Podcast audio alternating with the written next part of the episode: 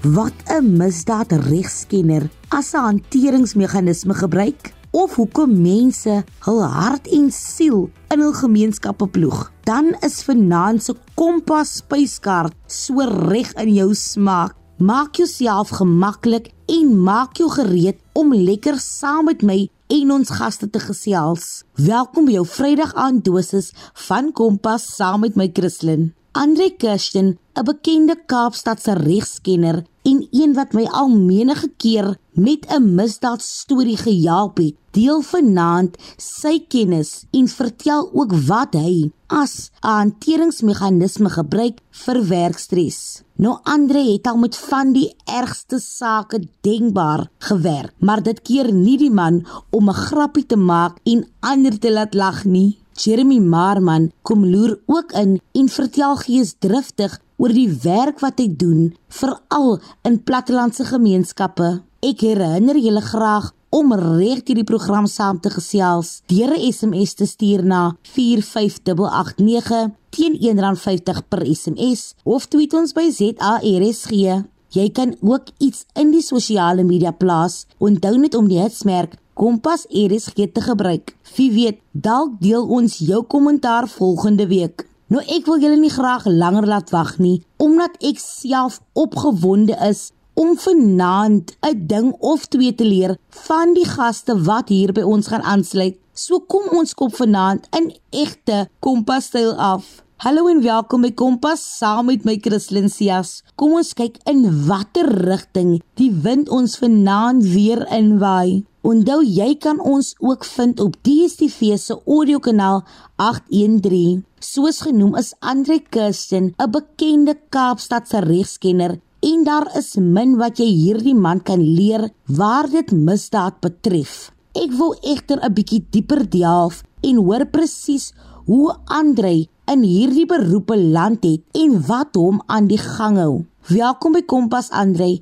Dit is altyd 'n plesier om met jou te gesels. Andre, jy het voorheen vir die staat gewerk, maar jy het jou eie praktyk begin. Hoekom het jy besluit om nie meer vir die staat te werk nie en jou eie ding te doen? OK, goed, so daai daar's 'n hele paar goed wat in daai in daai besluit ingekom het. Uh, die een van die eerste goed was uh dat ek van van van van te klein is, van dat ek hoërskool was al het ek wou nou altyd vir myself gewerk het, ek wou my eie baas gewees het. Ek wou my eie ding gedoen het. Ek uh sien uh jy weet ek het nou maar 'n simpel filosofie wat die goed aan betref. Uh jy weet ek ek sê mense se persoonlikhede kan geklassifiseer word as either katte of honde. Honde hardloop in groepe, hulle hou daarvan om instruksies te kry en katte nie soveel nie. Ek sien myself baie as 'n katmens. Uh ek is ook 'n katmens wat lief is vir katte. Maar die ding is is uh dat die ek ek hou nie daarvan dat daar vir my gesê word wat om te doen nie. Ek hou daarvan om my eie ding te doen, om my eie besluite te neem. Ek volg my eie kop. Ek uh doen my eie navorsing en maak my eie besluite. Daardie groepsverband situasie van in 'n in 'n werksopset waar jy 'n baas het wat in jou nek blaas is iets wat nie wat nooit lekker saam met my gesit het nie ek kan uh instruksies baie goed vat en ek kan hulle baie goed uitvoer en die basse die meeste van hulle was baie lief vir my gewees. Maar dit beteken nie dat ek daarvan gehou het nie. Ek het uh jy weet ek het maar altyd gevoel dat uh as as ek dinge self sou bestuur sal ek dit sal ek dit dalk miskien beter doen of sal ek dit beter kan doen. So dit het daarbey begin. Ek hoor jou 100%. Wat is van die ergste sake waarin jy al gewerk het? Jy weet daar's verskillende kategorieë van die sake uh daar is sake wat emosioneel baie dreinerend is en jou emosioneel tax en jou energie opvreet en jou gedaan maak en dan is daar sake wat fisies baie werk is en uh, jou op daai wyse dreineer en jou tyd opeet en jou energie so opeet. Die sake wat die meeste emosioneel dreinerend is is sake wat soos jy weet verkrachtingssake. Ek het 'n saak gehad wat uh, in die media was. Ek dink is gerapporteer. Uh ek weet die son het onder andere op dit gerapporteer, maar daar seker ander uh koerante en publikasies wat ook op dit gerapporteer het. Dis die Tony Myburg aangeleentheid gewees waar ehm uh, twee beskuldigdes gewees wat 'n uh, taxi gehad het en meisiekinders opgetel het vir so 'n week, twee weke lank. Het hulle meisies opgetel en hulle die meisies verkrag en daar was 'n stuk of 20 klagtes van verkrachting en roof van die meisies. En soos hulle kom getuig het, die saak het kon nou nie jok nie. Seker 6 jaar gevat om klaar te maak as ek reg kan onthou. Die saak soos die getuies kon getuig het, uh, het van die meisiekinders so gehuil in die bank toe hulle hulle stories vertel het dat um dit die landros en myself en die aanklaer klaar gemaak het dat uh toe die getuie klaar getuig het, toe kon ons nie verder werk vir die dag nie. Ons was gedaan gewees. Soos ons nou gehoor het, kan hierdie 'n baie emosioneel uitputtende werk wees. Hoekom hou jy van jou werk? So die hoekom ek van die werk hou, wat vir my die die naaste deel van ons werk is is hoe ons mense kan help in 'n verskillende mense se lewe kan maak. Jy is as 'n criminal lawyer stap jy 'n pad saam met iemand deur seker Ek kan seker sê deur maklik een van die moeilikste tye in daai persoon se lewe. Uh baie van hierdie mense sit met die vrees en die risiko en en is 'n baie re, uh um realistiese vrees dat dit die einde van hulle lewe is soos hulle dit ken of kan wees. As dinge hier skeefloop, kan baie van hierdie mense lewenslange gevangenisstraf kry wat wat jou heeltemal jou lewe op op sy kop sal draai. Dit sal die einde beteken van jou bestaan soos jy dit ken. En um om saam met mense so 'n pad te loop um en hulle by te staan deur so tyd in hulle lewe, daar is nie 'n prys wat jy op dit kan stel nie.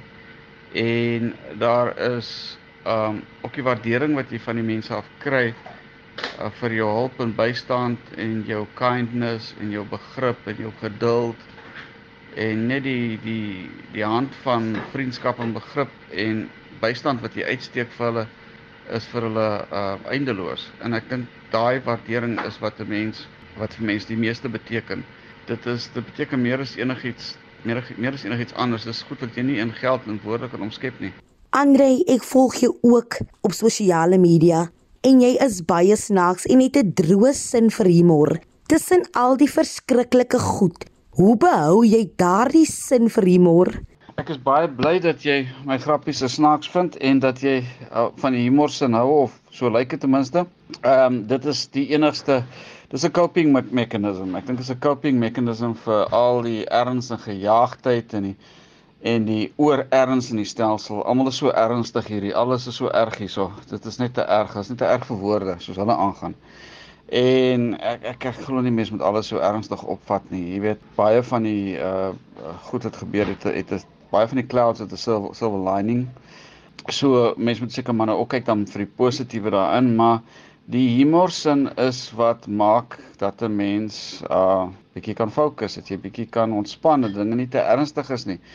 Ek kan nou nie daarvoor help nie, dis maar seker net binne my DNA. Mense sien die snaaks in iets wat veronderstel is om nie snaaks te wees nie. Dit is maar nog altyd net so gewees en ek kan nie daarvoor help nie. Wanneer ek sake doen en in die hof is, is daar baie keer ook 'n gelaggery wat daar aangaan. Daar's maak nie saak hoe ernstig die landros is nie. Erns gaan die landros iets snaaks vind want because dit is maar net hoe dit is. Ek kan nie help om dit uit te wys as ek dink dit is hysteries nie of snaaks of op dit om om die vraag op 'n sarkastiese manier te stel wat dan 'n smile op mense se gesigte sit nie. Dis just the way uh it's maar net my persoonlikheid.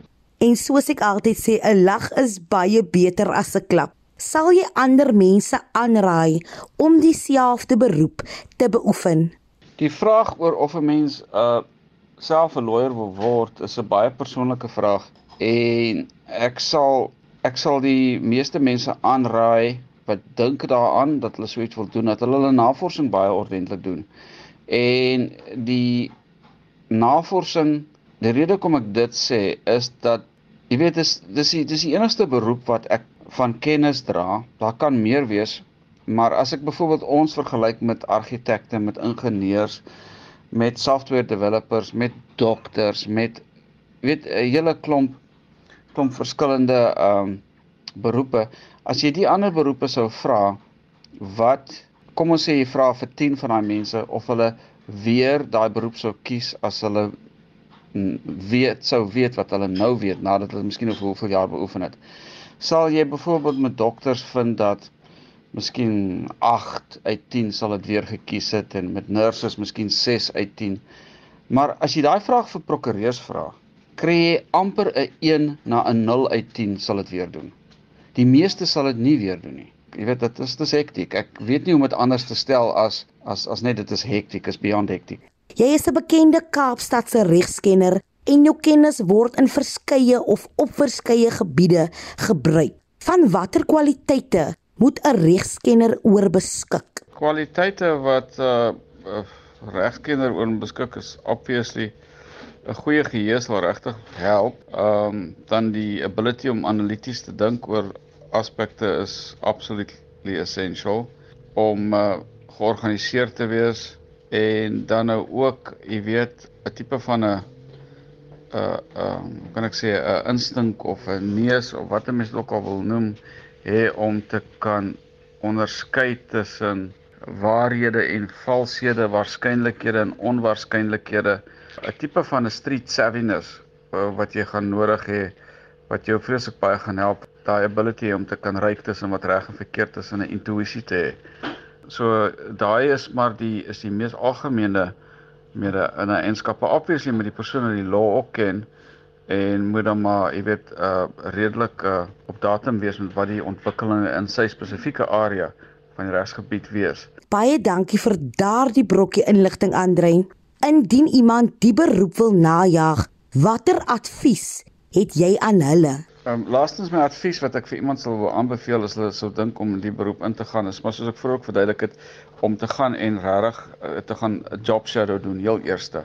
Gaan doen eers 'n job shadow. Gaan eers besluit watse tipe veld in die law wil jy heen gaan want dis wyd. Jy kry mense in die insurance industrie, kry mense in corporate, jy kry mense wat boedels doen, jy kry kriminele lawyers soos ons, jy kry labor lawyers, jy kry mense wat net werk met property en oordrag van van property en kontrakte en so aan. Dis wyd. Daar is baie baie tientalle, as nie honderde verskillende velde is wat jy kan inspesialiseer en dan gaan kyk nie. So jy moet nou eers kyk wat se veld in belangstel en en dan daai tipe prokureur of regskenner moet jy gaan shadow en daai persoon sal ook vir jou dan nou verdere verwysings gee van goed waarna jy moet kyk as jy sou belangstel om in hulle veld dan nou uh law te praktiseer. As jy dan vind dit is wat jy wil doen, dan uit die aard van die saak dan moet jy nou vir jouself regmaak dat jy jou 4 jaar graad wat jou LLB is deesdae moet gaan studeer. Dit is 'n groot klomp werk en dit gaan dit gaan uh, uh vier harde jare wees. Dis daar's mense wat dit deeltyds doen. Ek dink daai mense is saints, hulle het bonatuurlike magte en kragte om dit reg te kry. Ek weet regtig nie hoe doen hulle dit nie. Want uh voltyds het dit my voltyds besig gehou om te doen toe ek dit voltyds geswat het. Voor jy in 'n beroep tree, doen die nodige navorsing en al deel die lewe links en regs klappe uit. Lag want onthou 'n lag is baie beter as 'n klap. Nou wanneer 'n mens te doen het met 'n mens soos Andre Kirsten is jy geneig om te dink dat dit 'n baie ernstige individu is en ek is tog bly dat Andre steeds deur al die gruisaamheid wat hy in sy beroep ervaar steeds kan lag Wat is jou hanteringsmeganisme? Hoe hou jy kop bo water? Soos gewoonlik kan jy my laat weet op 45889 of jy kan ons tweet by ZARSG. Onthou 'n SMS kos R1.50 elk. Vind ons ook op OpenView kanaal 615. Jeremy Marman het al die wêreld vol getoer, maar die man se wortels is stewig in die platteland begrawe. Hy vorm deel van verskeie projekte as ook organisasies wat terugploeg in gemeenskappe om hulle te bemagtig en op te voed. Ek wil baie graag weet waar hy sy liefde vir gemeenskapswerk en die jeug spruit. Dis lekker om jou hier te hê, Jeremy. Jeremy, jy is 'n assosiaat van Youth Bank South Africa. Wat is Youth Bank South Africa en watter werk doen julle daar? So Youth Bank is 'n program waar jong mense die geleentheid kry om te belê in ontwikkelingsprogramme in hulle plaaslike gemeenskappe in wat ons noem jeugfilantropie op die plaaslike gemeenskapvlak. Die Youth Bank program in essens wat hy doen is, hy sa jong mense samel geld in die verskillende fondsinsamelingsprogramme of projekte en Nou na mate hulle hulle se fondsinsamelings doelwit bereik het, maak hulle dan oop vir ander projekte in die gemeenskap, jeuggeleide projekte of jeuggefokusde projekte. Kan dan aansoek doen vir befondsing by die Youth Bank en daai befondsing word dan aan projekte toegestaan wat natuurlik dan ontwikkelingsprogramme vir jong mense is wat opheffing vir jong mense in hulle plaaslike gemeenskap gee. Wat is jou rol by Youth Bank South Africa en hoe het jy by die organisasie betrokke geraak? So ek is al baie jare betrokke in Youth Bank um, International. So ek sê dit is 'n internasionale jeugnetwerk. Um, en vir baie jare is ek betrokke sedert um, so so vroeg soos 20 2014 al het ek betrokke geword in Youth Bank met verskillende programme in die Weskus um, in Suid-Afrika, dorpe soos Mamasbury, Kalbaskral, Pakketberg, Indekale, sover soos Nieuwerus in die Weskus. So my rol oor die jare was om opleiding te gee vir nuwe en gevestigde Youth Bank groepe. Ek doen dit nou maar by byvoorbeeld deur om verskillende Youth Bank koördineerders opleiding te gee en wat ons noem 'n training of trainers benadering. Um, en wat ek ook doen is ek doen mentorskap van daai koördineerders waar ek wel byvoorbeeld sou gaan na die verskillende dorpe toe of aanlyn selfs met die met die nuwe wêreld waar ons aanlyn um, mentorskap um, aanbied. So ek ek funksioneer tans as wat ons noem 'n associate van Youth Bank International in Suid-Afrika. Um, en bewyse van spreke ook in in die Afrika kontinent. En watter projekte is julle tans mee besig en wat presies behels hierdie projekte? So die projekte wat ons tans mee, mee besig is, soos ek vroeër gesê het dat die Youth Bank is reg ten doel om fondse in te samel en dan daai fondse beskikbaar te maak in die plaaslike gemeenskap om opheffingswerk te bevorder. En van die fondsinsamelings byvoorbeeld wat die jong mense doen is van braaibord verkopers in klein die dorpies tot sport daar wat aangebied word of straatmarkte bazaars. So dis die tipe fondsinsamelingspogings wat jong mense in die verskillende Youth Bank um, projekte aanbied byvoorbeeld as youth banks um, sover soos die Noord-Kaap, dan is daar funksionerende youth bank groepe in drie provinsies in Suid-Afrika, die Wes-Kaap, Oos-Kaap en die Noord-Kaap. Natuurlik, ons land is so uniek in verskillende provinsies en en selfs streke is so uniek dat verskillende fondsinsamelingspogings werk in verskillende areas. Byvoorbeeld wat word gedoen in Noord-Kaap of was gedoen in 'n dorp met die naam van Danielskuil in die Noord-Kaap dan braaie word gehou reg oor die land natuurlik. Ons is 'n 'n braai land. Ehm um, so daar is so verskeie projekte wat uh, fondsinsamelingsprojekte wat geloods word en dan natuurlik soos ek sê die fondse word dan beskikbaar gestel vir ander projekte in die gemeenskap wat gedryf word deur ander groepe van jong mense. So die Youth Bank se rol letterlik is om geld in te samel en dan uiteindelik daai geld beskikbaar te stel vir ontwikkelingsprojekte wat ons sê normaalweg nie befondsing sou kry nie. Sjoe, dit klink opwindend veral waar dit die jeug betref. Hoe en wanneer is jou liefde vir gemeenskapswerk en vir al die jeug gebore? Kyk, my betrokkeheid of liefde vir ontwikkelingswerk kom einde van baie baie vroeg af. Toe nou toe ek op laerskool was, um, een van my vriende, hy's nog gesterwe is um ook deur die pandemie, hy het hy gesterwe en toe ons op laerskool was, um, hy was so breed jong man gewees al van kindsdag af. Ek sê altyd hy's die slimste persoon wat ek geken het. En ek onthou jare terug toe ons op laerskool was, het hy nie noodwendig by sy huis kon hy nie sy huiswerk doen in die middag nie. En ek het toe nou eendag gedink, um, ek het nie probleem gehad om hy by my huis te my ouer huis te doen nie, maar ek het gedink in solidariteit met my vriend. Ehm um, toe gaan praat ek met ons skoolhoof en ek vra vir hom wat die moontlikheid is moontlikheid is vir hom om 'n klaskamer vir ons te gee waar ons huiswerk in die middag kan doen. En ek ek het dit toe toegestaan en ons ons um, vriende toe basies dan nou kon die skool se klaskamer gebruik om in die middag se skoolwerk te doen. En so ek sê dit van vroeg af, er is van laerskool af, het ek maar liefde om terug te gee of om iets te wil doen om om ons om myself te help. Dit is meer 'n deel om myself te help um in 'n rolmodel te wees um en te wys dat wat jy ook al wil doen, kan jy doen en alhoewel jy is van dorpies soos Eendekale of Nieuwerus of Bitterfontein of Paternoster, dit maak nie saak waar jy vanaf kom nie. Dit gaan nie oor jou jou dorp waar jy vanaf kom en dit gaan regtig oor jou karakter en die diepte van jou karakter. So so van baie vroeg af weet ek 'n liefde en 'n aanvoeling vir gemeenskapsontwikkeling en natuurlik het dit my beroep geword en ek is baie opgewonde om al die maniere te vind om geleenthede te bring na plattelandse dorpe, jong mense in die platteland toe. Byvoorbeeld bietjie dag het ons so 10 jong mense geleenthede gegee deur 'n organisasie en die Health and Welfare Center om 'n kursus te gaan doen in Johannesburg in phlebotomy.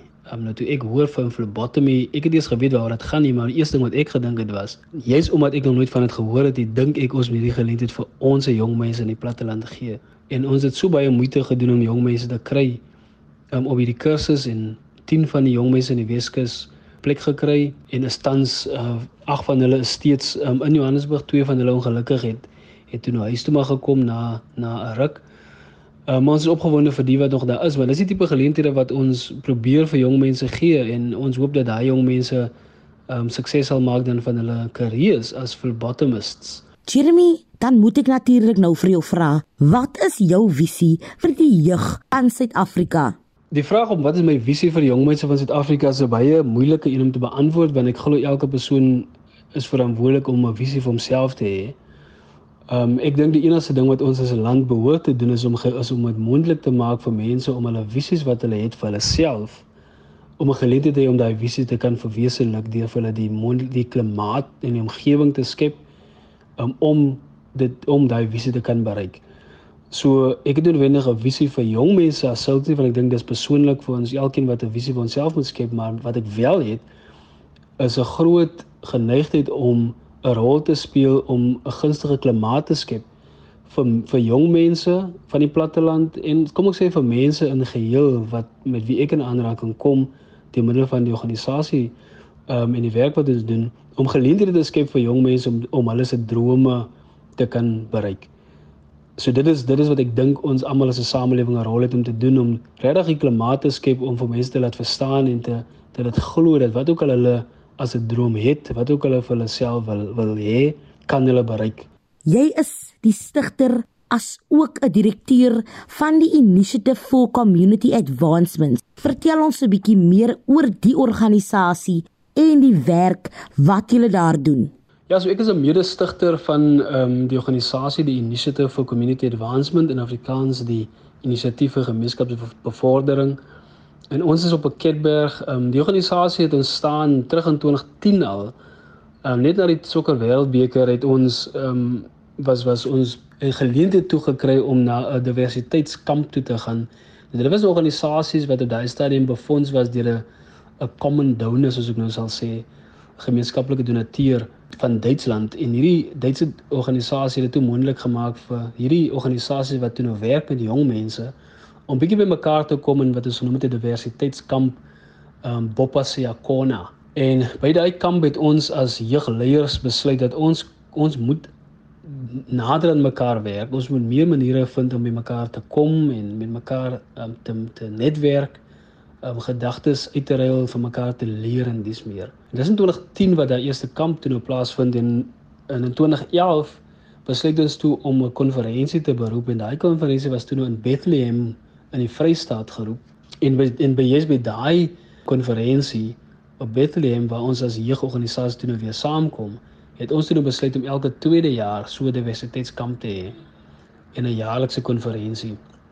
En toe het die hierdie kampe in toe nou van naam verander, weg van Bopasiakona na um um Sheba Bokomoso. Sheba Bokomoso beteken looking at the future. En so dit was regtig toe nou die intensie van hierdie kampe en ons het uh, 250 jong mense elke tweede jaar bymekaar gebring uit uit verskillende provinsies in Suid-Afrika en uiteindelik het ons toe nou besluit om 'n informele netwerk te verander in 'n formele netwerk in 2015. En hierdie netwerk het toe bekend gestaan as die South African Youth Leaders Network. Die netwerk het baie goed gedoen vir so 4, 5 jaar en die die die die netwerk het, het goed gewerk omdat dit 'n organisasie wat wat een ding in gemeen gehad en dit is die ontwikkeling van jong mense in verskillende dele van Suid-Afrika. Maar met die tyd het ons gevind dat die netwerkbenadering ehm um, is eintlik bietjie uitdagend want soos ek sê die die land is groot, Suid-Afrika is 'n groot land en as jy as 'n as 'n sekretariaat van 'n netwerk verskillende jeugorganisasie bymekaar wil hou, dan dan kan dit nog al 'n duur oefening word. En ons het toe nog begin gevind dat dit meer sin maak vir die organisasie om 'n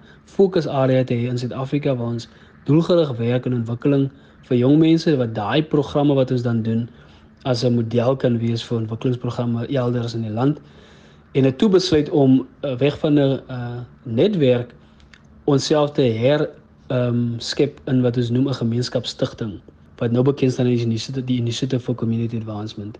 'n Mens kom agter dat dit vir jou baie belangrik is om gemeenskappe te help? Hoekom is dit vir jou so belangrik om agterblewende en veral plattelandse gemeenskappe op te lig en te bemagtig? Vir my is dit belangrik dat plaaslike mense, mense in plattelandse gebiede spesifiek geleenthede kry om hulle self te ontwikkel, juis omdat geleenthede soms in die stede stop. So baie keer byvoorbeeld of alles hier van die Weskaap is baie on, ongelukkige mense wat die Weskaap besoek, dink hulle dink die Weskaap stop in die Kaap en dalk so bietjie in die Garden Route pad Kaap toe. Ehm um, maar mense besef nie hoe groot die Weskaap regtig is nie. En soms het gebeur as hierdie plattelandse dorpe buite die Weskaap en ek praat nou heeltyd nog net van die Weskus, maar hulle het streke plattelandse dorpe rondom die Parel, die Bolandstreek, um, selfs in die Karoo, Beaufort Wes en dis meer. En soms kom die ontwikkelingsprogramme nie by, by mense uit nie en ek dink wat wat hoekom ek dink belangrik is dat plaaslike plattelandse gemeenskappe juis ondersteun moet word deur plaaslike inisiatiewe is omdat ek glo dat plaaslike gemeenskappe regtig 'n rol kan speel om hulle self te ontwikkel dat jy hoef nie noodwendig te wag vir die regering om van iewers te kom om jou lewe te verander nie. Mense van die dorp self kan hulle self help. En wanneer mense hulle se hulpbronne saam snoer, bymekaar voeg, dan eendrag maak mag. En soms deur dit middel daarvan dat ons ons bietjies bymekaar sit, word ons 'n bietjies baie en kan ons 'n groot impak maak in ons plaaslike gemeenskap. Jeremy, nou indien iemand vanaand na hierdie onderhoud luister, Watter boodskap wil jy hulle mee agterlaat? Nou as iemand vanaand na die program luister wat ek hoop mense doen, en dankie vir die lieflike program wat julle aanbied. Maar as iemand vanaand luister, die enigste boodskap wat ek by die persoon wil los is: kyk bietjie rondom jou. Of dit nou met jou goed gaan of met jou minder goed gaan. As dit met jou goed gaan, kyk bietjie rondom jou en besef dat daar is iemand daar buite wat moet net 'n bietjie van jou kant af kan hy kan jy daai persoon se lewe absoluut getransformeer word. Ek weet nie of julle dit gehoor het nie, so ek noem dit maar weer net in geval. Eendrag maak mag. Saam kan ons bande snoer en mekaar opbou. Baie dankie Jeremy vir daardie herinnering. Partykeer wonder ons hoe ons terug kan ploeg of hoe ons 'n verskil kan maak in ons gemeenskappe. En dit is eintlik heel eenvoudig. Ryk net 'n hand uit en help waar jy kan, hoe jy kan. Julle ken al hierdie deentjie, fluit fluit. My storie is amper uit. Jy kan enige vrae of voorstelle of sommer net insa stuur na die e-posadres kristlyn.sias1@gmail.com. Plaas ook graag iets in die sosiale media. Onthou net om die hitsmerk Kompas RSG te gebruik van my Christlyn en die span hier by Kompas. 'n Veilige, feestelike en 'n lekker naweek verder. Kompas, jou loopbaan rigtingaanwyser op RSG.